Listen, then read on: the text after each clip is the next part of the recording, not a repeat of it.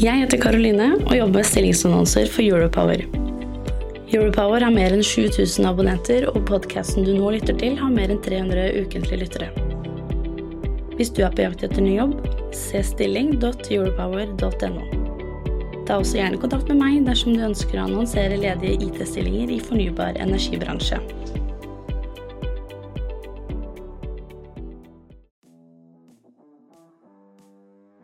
Du, Pia, visste at det ble utsolgt i fjor da vi samlet IT-beslutningstagere i energibransjen på energibransjens IT-konferanse?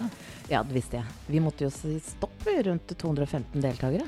Eh, Men fortvil ikke. Eh, Den 26.9 så samler vi på ny hele flokken for å dele erfaringer og bygge nettverk. Og Vet du hvem som er sponsorer og som skal delta på scenen i debatter i år, da? Ja, er, er ikke det Statnett, Elhub, Elvia, Lede og Embrik? Jo, og så er det Microsoft, Itera, Bouvet, DNV, Elmera Group.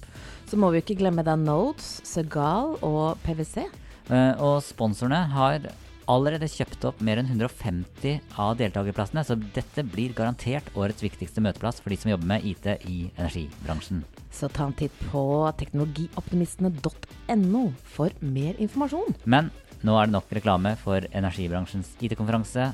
Skal vi ikke komme i gang med podkasten, Pia? Jo, vet du hva, la oss gjøre det.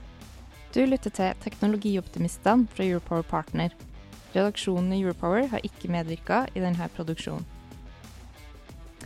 Hei og velkommen til Teknologioptimisten, en podkast for IT-beslutningstakere i fornybar energibransje. Jeg heter Pia Christensen Mo og jobber i Europower. Med meg her i studio i dag så har jeg besøk av Ingeborg Ligård, seksjonsleder, eller Data Science, hos Statnett. Og da Boje Høverstad, fagspesialist i Statnett. Velkommen. Tusen takk. Takk for det. Ingeborg, hvem er du? Eh, jeg er um, utdanna innenfor anvendt matematikk. Um, har gått på Blindern og har uh, snirkla meg eh, gjennom litt ulike forskning og konsulentbransje før jeg endte opp i Statnett. Eh, og nå er jeg da seksjonsleder for Data Science. Perfekt. Uh, har du en fun fact om deg selv? Jeg elsker dette spørsmålet, bare så du er klar over det. Jeg tenkte litt eh, i den sammenhengen her hvor vi snakker om AI, uh, og mange er jo opptatt av at AI kan ta jobbene våre. Um, så har jeg tenkt litt på hva jeg skulle gjort hvis, uh, hvis AI kom og tok jobben min. Um, og da er det sånn at jeg har eh, dokumentert sikkerhetsopplæring med motorsag, så kanskje Nei. jeg kunne begynt som linjerydder for Statnett. Den er Um, bra. ja, gjør noe mer manuelt arbeid. Um, men så har jeg jo tenkt etter at jeg begynte å uh, drodle litt på det her, at kanskje det hadde vært en bedre jobb for en robot i framtida. At de kan ta de mer risikofylte ja. Ja, jeg er helt enig. Helt Så um, jeg håper at jeg kan fortsette med det jeg gjør nå ei stund til. Og du da, Boje, hvem er du? Um, jeg er vel også en, eh, ikke en energiperson eh, opprinnelig. Jeg har uh, databakgrunn. Um, begynte med mm, AI og maskinlæring fordi at jeg tenkte jeg skulle benytte anledningen på mastergraden til å gjøre noe jeg helt sikkert aldri fikk holde på med seinere. Fordi at på den tida så var jo dette her veldig akademisk og noe ingen drev med. Ja. Uh, og så har det forandra seg litt. Når var den tida? Når er det Ja, det begynner å bli ganske lenge siden nå. Men har du en fun fact om deg selv, eller, Boje? ja, jeg er jo litt sånn som eh, Ingeborg, som liker å jobbe med Fikle med ting som ikke er teknologiske. Jeg kunne gjerne ha vært tømrer hvis jeg skulle vært noe annet, men kanskje også mekaniker. Um, Og jeg har solgt den samme motorsykkelen to ganger til den solgt- samme personen. Imponerende, uh, imponerende. Fordi at jeg fikla med den. Uh, så han ringte meg en halvtime etter å ha kjørt fra huset vårt, Uh, og da han stoppa på motorveien ikke så langt unna. Så jeg måtte hente den ødelagte motorsykkelen som jeg hadde fikla med, på tilhenger. Og så kom han tilbake noen uker seinere og kjøpte vraket, for han var så forelska i det. Ok, Jeg trodde kanskje at du hadde skrudd opp litt pris, så hadde du fikla litt mer med den, så du gjort den liksom upgraded a little Nei, bit. jeg, jeg vrei på noe jeg ikke burde ha vridd på. Så Don't quit your day job. kanskje. får håpe det er en stund til A1 tar, tar jobbene våre. Ingeborg, uh, hva er din oppgave som seksjonsleder for Data Science? Eh, min oppgave er jo å få det beste ut av eh, den eh, gjengen som jeg jobber med. Sørge for at de har gode arbeidsforhold, at de får en god faglig utvikling, og at vi jobber med de riktige prosjektene i Statnett. Så hva er det du blir målt på, da?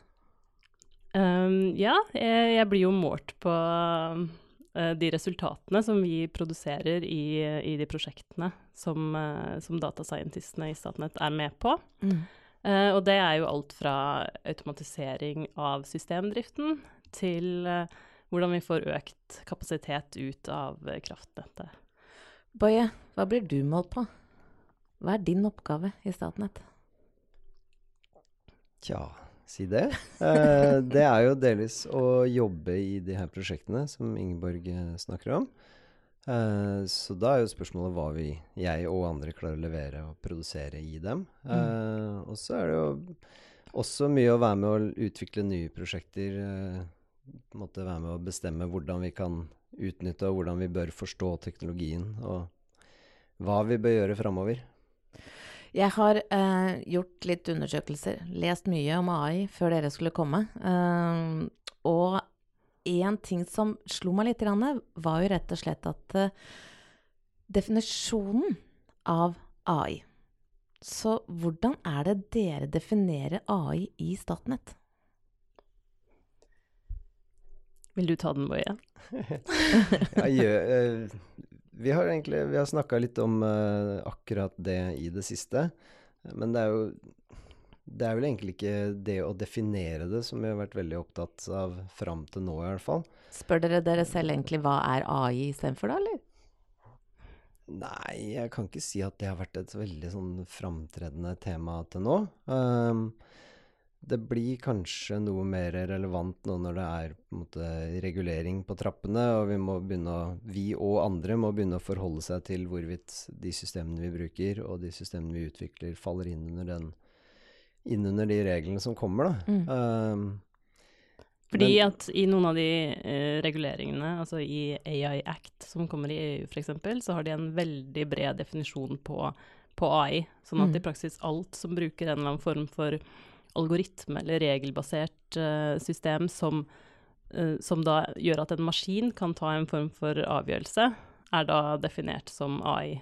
Og det, det vil jo òg eh, da inkludere rene fysiske modeller, som er ting som vi har brukt i mange tiår allerede, som da kan bli innebefatta av de samme reguleringene som mer, skal vi si, kompliserte, mindre forklarbare algoritmer og større, større systemer, Så- som kanskje er det som folk vil tenke på som AI, da. Ja, så eh, når dere da sier at dere diskuterte litt hva definisjonen er, har dere kommet noe? Er det noe sånn Dette skal løse et problem. Hvor er, hvor er vi henne i en definisjon her?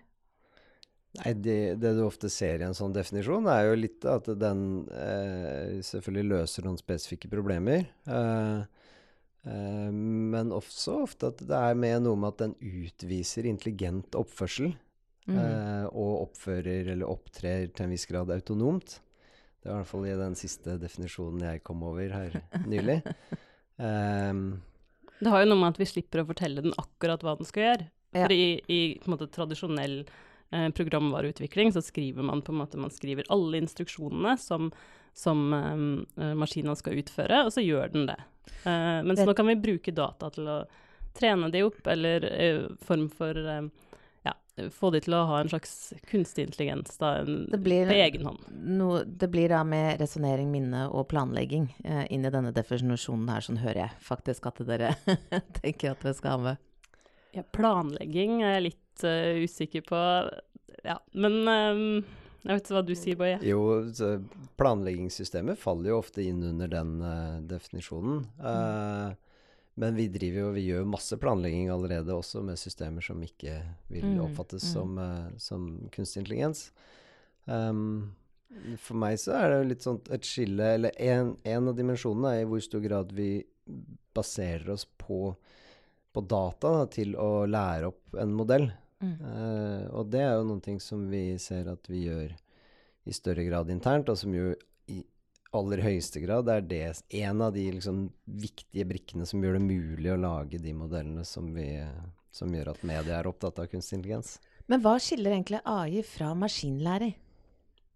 Maskinlæring er en type AI, og så er AI en masse andre ting i tillegg. Så eh, rett og slett maskinlæring er eh, grunnmuren, og så har du AI som bygger oppå? Ja, vel kanskje mer at maskinlæring er på en måte én klasse av kunstig intelligens, og så har du litt andre typer tilnærminger også, som man typisk ikke vil kalle maskinlæring. Mm.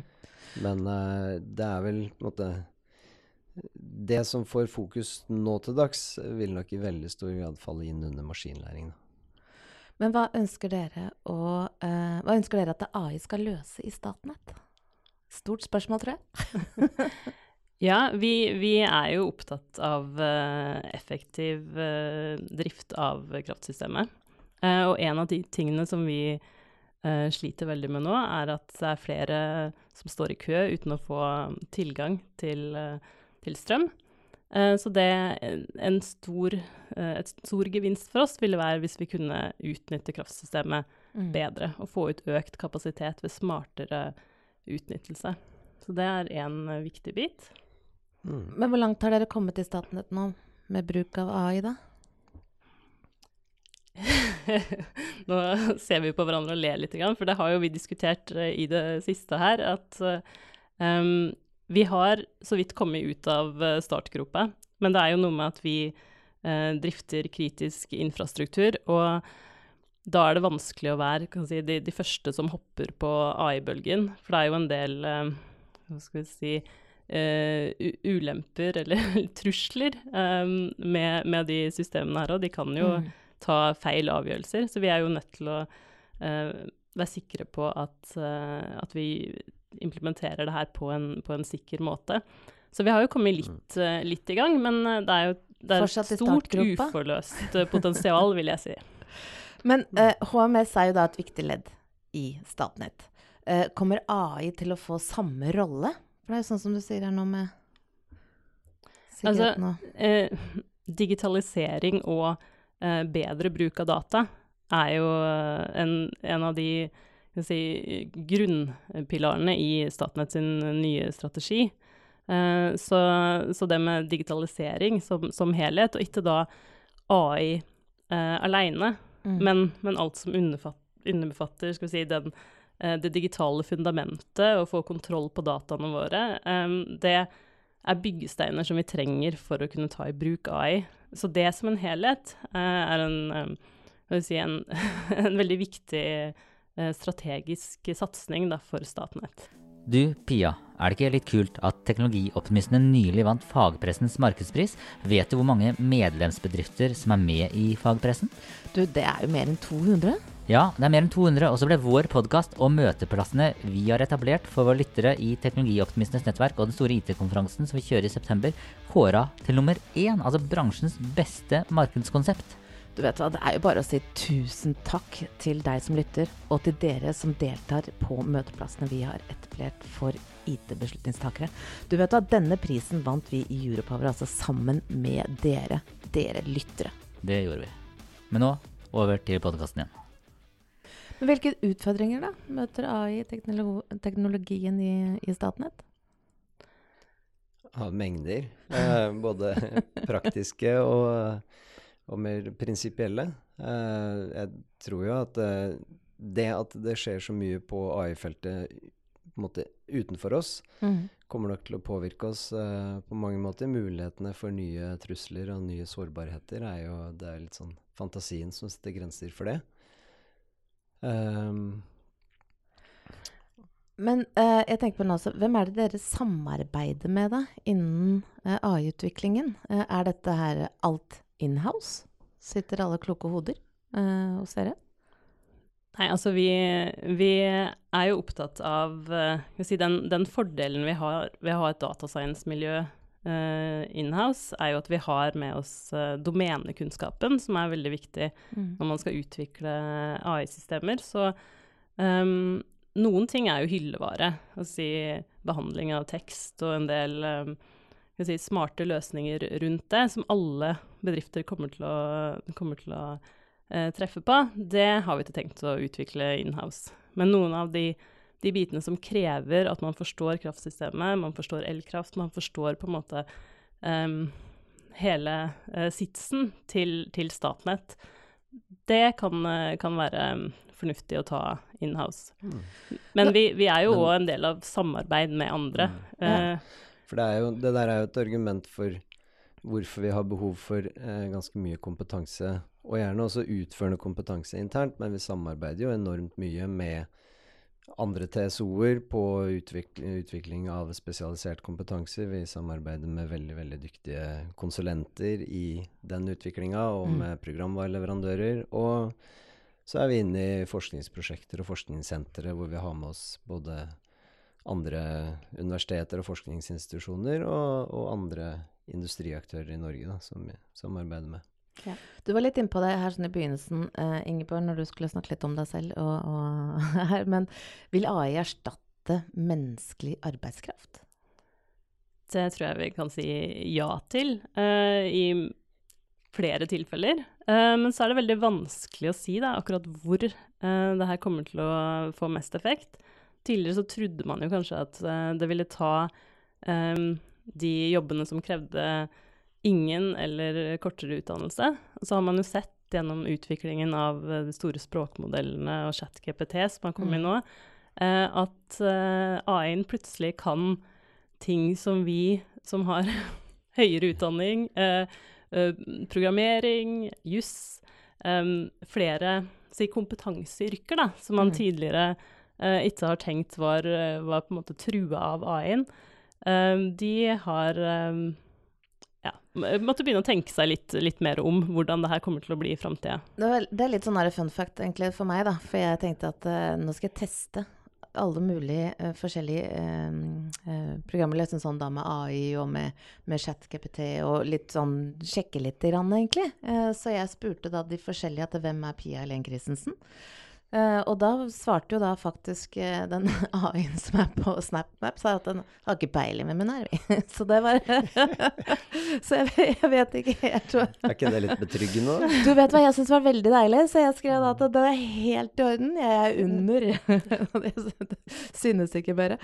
Men tilbake um, uh, Du mister ikke jobben i morgen, for å si det sånn. Nei, det, det, det kan du være trygg på. Men, men vi, vi snakka litt om det tidligere, det der med å skulle velge utdannelse i, i dag, uh, for de som er ferdig med videregående, mm.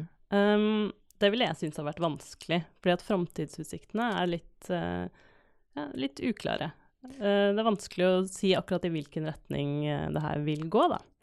Men at mm. det kommer til å få stor påvirkning på livene våre framover, det er ganske sikkert. Det er vi nok veldig enig i. Jeg var jo hos eh, dere her eh, sist uke på, på TechDay. Og der hadde jeg en podkast og stilte da en av deres kollegaer et uh, greit spørsmål. Uh, der også da han sa at den viktigste oppgaven er å sørge for at det er lys og lyspæra. Trenger vi AI for å løse denne oppgaven? Ja, vi har klart oss til nå uten, men vi trenger det nok framover, ja. Uten tvil. Hvordan da, tenker du? Nei, Vi går jo mot et eh, kraftsystem for, som oppfører seg på en helt annen måte. Da, med mye mer fornybar kraft. Mer produksjon som varierer fort og er vanskeligere å planlegge. Eh, og mer kraftelektronikk som kan gi veldig veldig raske endringer i systemet. Og da må vi nok ha automatiserte systemer som i større grad bidrar til å enten støtte opp under driften, som er liksom første skritt, mm. men som også tar automatiske beslutninger da, i systemdriften. Jeg tror ikke vi kommer utenom det. For å sammenligne litt til en annen bransje også. Innovasjon i anleggsbransjen sitter jo fast i en loop mellom uh, høye ambisjoner og rigid regelverk. Og, men hvordan står det til med energibransjen? Står regelverket i, i veien for gode og smarte løsninger i fremtiden? Altså, alt regelverk henger etter. For å si det sånn, hadde dere sett dette her som den ene nikker og nei og litt sånn Ha, hjelp! nei, men jeg opplever at det er litt begge deler. For det, ja. det er noe av regelverket om på en måte som tvinger fram nye kraftmarkeder og sånt noe, som på en måte eh, tvinger oss til å automatisere, og som da også på en måte disiplinerer oss hele veien fra bunnen opp. For at mm. skal vi klare å bygge, litt som Ingeborg var inne på, skal vi klare å bygge de her datadrevne modellene, så må vi få da må vi ha kontroll på dataene våre, ha kontroll på kvaliteten på dataene og datastrømmene. Så det er på en måte ja, Det tvinger gjennom en, en uh, oppstramming og modernisering av hele, hele verdikjeden og hele arkitekturen vår. Mm. Nå er jo AI en hype, for å si det sånn. Men det har jo eksistert siden uh, 1950-tallet. Så hvorfor har AI blomstret opp akkurat nå? Ingeborg? Ja, det er jo de store språkmodellene, da. Som ja. uh, ChatGPT, som plutselig har um, ja, kommet som en uh, si, flodbølge uh, innover mm. og har vist seg å ha um, egenskaper som man um, kanskje ikke trodde at de skulle få. de har uh, overraska de aller fleste med, med, hva de er i stand til å gjøre, og sjøl om de åpenbart gjør ganske mange feil uh, fortsatt, så, så, har det her eh, endra feltet uh, i stor grad. Selv om det, noe av teknologien bak er jo ikke noe nytt. Men skaleringen og størrelsen på det gjør jo at uh, det her er i, ja, i stand til å helt, løse helt andre oppgaver enn det var tidligere. da. Elon Musk han uttalte for en kort tid siden at uh, AI er mer farlig enn raketter. Og at utviklingen eh, blir han selv skremt av. Hva Syns dere at vi skulle vært mer restriktive, Boje? Eh, ser ikke bort fra det. det er, jeg, jeg, kjenner at det er litt vanskelig å ikke være enig. Eh, og det er noe litt eh, skremmende med det at det er de som på en måte kjenner både teknologien og industrien best, som er de som er mest eh, skremt av utviklinga. Det syns jeg ikke er veldig oppløftende. Mm. Um, ja, nei, så Det blir spennende å se hvordan det der utvikler seg framover. Og det har skjedd Det har vært en enormt rask utvikling. Jeg kikka på det litt tidligere i dag, og eh, en av de modellene som er på en måte fundamentet for å få til dette her, ble funnet opp i 2017. Eh, og så kom den første, eller sånn GPT3 kom i hva, 2021. GPT4 i år. I så det er liksom mm. Mm. På den tida man går gjennom et universitetsstudium, så har dette gått fra ingenting til å være overalt. Så det er bare å håpe at den bobla sprekker snart, egentlig. At det, det tar en liten pause. Eh, Flater ut. Så hva, du, du, nevnte litt her, sånn den Europakommisjonen, eh, som da ønsker at eh, Europa skal sette en sånn global standard for, for AI. Uh, og da eh, Energibransjen går jo under da høy risiko eh, pga. den kritiske infrastruktur. Så hva, men hva, hva mener du, Ingeborg, at kommisjonen må settes fokus på? Det, hvis du skulle kommet med Hei, Europakommisjonen, her skal dere få et velmenende råd fra Ingeborg. Dette er viktig. um, nå har jeg tidligere jobba med, med, risikostyring, både beregningsorientert og mer sånn skal vi si, kvalitativ risikostyring, som de, de legger inn i, i den AI Act. Um, og det at man får en god uh, risikovurdering av de her uh, systemene, som de for så vidt òg legger opp til, og, og regulering um, på det, det tenker jeg er, um, er veldig viktig. Fordi det er, det er vanskelig å altså sånn, sånn, som nå, da, hvor vi har i praksis så har man, har man sluppet ut en, en, ny medisin på markedet som viser altså, tilsynelatende har veldig gode effekter med mm. ChatGPT, kan du si. Men man aner jo ikke hva slags bivirkninger det har.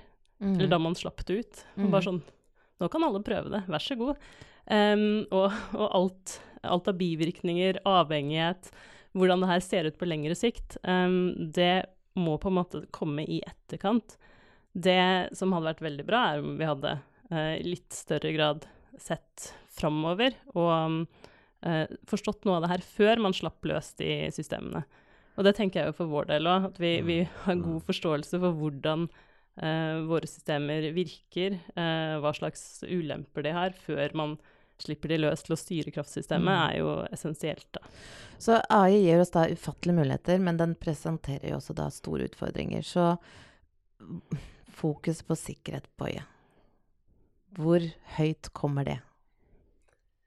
Det er, litt, eh, det er jo det som er fundamentet for å få lys i lampa, på en måte. Mm. Eh, både IT-sikkerhet, men ikke minst eh, driftssikkerhet da, for, for, systemet. Så vi må nok eh, i anvendelsen av, eh, av kunstig intelligenssystemer, på samme måte som med andre på en måte, grep for å få til effektivisering, så må vi klare å sikre at vi gjør det eh, på en måte hvor vi har, har veldig god forståelse av hva er konsekvensen av dette her, og hvordan å være veldig sikre på at vi opprettholder den nødvendige forsyningssikkerheten. Da. Hvordan bruker dere egentlig ChatGPT i Statnett? Ja. Jeg vet, jeg Eh, vet at min kollega eh, Skjul, han eh, bruker den til å, å gi han gode koder hvis han skal gjøre noe i vårt CRM-system. Så, så hvordan er det dere bruker? Nå, nå er ikke det et offisielt arbeidsverktøy i, i Statnett, av uh, gode grunner. Um, men det er jo Man må jo på en måte forstå at det her er et, et verktøy som er attraktivt for mange å ta i bruk, fordi at Mm. det kan uh, forbedre effektiviteten ganske betraktelig. Um, men um, man må ja, vi, vi må jo være veldig forsiktige med hvor, hvor, at vi ikke deler kraftsensitive data og den type ting. Um, og av den grunn så, så har man ikke eh, anledning til å bruke det så klart til, til noe som um, gjelder våre, våre data. Kan det være litt fristende av og til, å bare spørre veldig enkelt hvis man står overfor et lite problem? Ja, ikke sant. Det det var jo um, Jeg lurer på om det var eh, Samsung som eh, brukte det til å oppsummere møter og uh, delte Eller skulle få hjelp til eh, å programmere, og delte da kildekode som uh, hva skal jeg si, i etterkant ble ganske uh, kritisk for deres del. Um, så um, eh, men, men man kan jo bruke det til å si Eh, Jeg skal skrive en møteinnkalling hvor jeg inviterer hele Statnett til å høre om kunstig intelligens. Hvordan ville du formulert den? Den type spørsmål er jo skal si, greit og åpent. Ja. Um, og um, å konfigurere opp uh, enkelte tekniske systemer, f.eks. Um, Enkel programmering uten at man uh, deler noe sensitivt eller noe av vår kode. Jeg vet ikke hva du tenker, Boje. Nei, vi har jo Vi, har, vi er ganske restriktive på det uh, enn så lenge, men samtidig så vil det jo være sånn innafor IT-utvikling f.eks. at eh, en IT-utvikler med litt måte, perspektiv for framtiden vil vel ikke begynne å jobbe et sted hvor han eller hun ikke kan Mm. bruke Bruke. denne teknologien, Mm. for da vil du sakke helt, helt akterut. Sånn vi, vi, og det er noe vi diskuterer internt. Vi er helt avhengig av å også henge med for Mm, å tiltrekke og, sitte, og klare å beholde kompetanse. Så det Jeg er synes... en uh, hårfin balansegang. Og da kan man jo få på en måte interne uh, modeller som kan gjøre det samme uten at man eksponerer sine data for, Mm. for utenomverden. Så det er jo veien å gå, men så må man på en måte være klar over eh, skal vi si, fallgruvene da, Mm. på, på veien. Jeg tror vi skal ha en litt sånn her stående avtale, ja. At jeg inviterer dere om et år. Fordi eh, sånn som nå, så høres det ut som dere har liksom sånn Nei, det diskuterer vi, det snakker vi om, det er sikkerhet Så jeg lurer på om eh, vi skal bare gjøre det med en gang. At vi møtes om et år, og så ser vi egentlig hvor langt dere har kommet innenfor eh, utviklingen.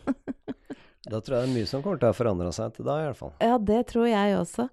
Uh, før vi avslutter, så har vi et standardspørsmål uh, som vi da stiller uh, når vi har besøk i podkasten her sånn, om um, Min første datamaskin var en Highnote Ultra fra 1994. Boje, hva var din første datamaskin? Um, jeg husker ikke modellen. Det var vel en eller annen eh, Om det var Hva begynte de her 86-numrene på? Det var en ordentlig datamaskin. Som, det var en eh, ordentlig datamaskin, ja. ja, ikke en Commodore, men det var en datamaskin som min far brukte i, eh, i Han hadde en, en egen en, enpersonsbedrift Ja. Som jeg klarte å formatere harddisken på ved et uhell på et tidspunkt. Så det det er tidlig ute med å fikle med ting. Du og motorsykler, altså. Ingeborg? Eh, ja, min første egne datamaskin uh, har jeg ikke peiling på hva, hva het og hva slags modell var. Jeg var vel 17 år og var mest opptatt av at den hadde CD-brenner. Um, men, uh, men da hadde faren min allerede hatt uh, datamaskinen siden ja, 88. Uh, det her var jo på begynnelsen av eh, 2000-tallet at jeg fikk min uh, egen. Um, men uh, navn det er jeg usikker på. Jeg husker at den hadde Windows eh, ME. altså Millennium Edition, som er den mest utskjelte Windows-versjonen noensinne. Um, utover det så ja, husker jeg ikke så mye. Du, da gjenstår det bare å si tusen takk eh, til deg, Ingeborg, og til deg, Boje, fra Statnett, som, for at dere tok dere tid til å komme hit til podkasten Teknologioptimistene. Jeg takker deg også som lytter, og mitt navn er Pia Christensen Moe, og jeg er en teknologioptimist. Og hva med dere? Vi må jo prøve å være det. Må det, men det er eh, krevende å være bare optimist nå for tida. Litt begge deler. Litt begge deler, ja. Sånn er det når du jobber med AI. Takk for meg. Du, Pia, visste at det ble utsolgt i fjor da vi samlet IT-beslutningstagere i energibransjen på energibransjens IT-konferanse? Ja, det visste jeg. Vi måtte jo si stopp rundt 215 deltakere. Eh, men fortvil ikke. Eh, den 26.9 så samler vi på ny hele flokken for å dele erfaringer og bygge nettverk. Og vet du hvem som er sponsorer og som skal delta på scenen i debatter i år, da? Ja, er, er ikke det Statnett, Elhub, Elvia, Lede og Embrik? Jo, og så er det Microsoft, Itera, Bouvet, DNV, Elmera Group, så må vi ikke glemme da Nodes, Segal og PwC. Uh, og sponsorene har allerede kjøpt opp mer enn 150 av deltakerplassene, så dette blir garantert årets viktigste møteplass for de som jobber med IT i energibransjen. Så ta en titt på teknologioptimistene.no for mer informasjon. Jeg heter Karoline og jobber med stillingsannonser for Europower. Europower har mer enn 7000 abonnenter, og podkasten du nå lytter til, har mer enn 300 ukentlige lyttere. Hvis du er på jakt etter ny jobb, se stilling.europower.no. Ta også gjerne kontakt med meg dersom du ønsker å annonsere ledige IT-stillinger i fornybar energibransje.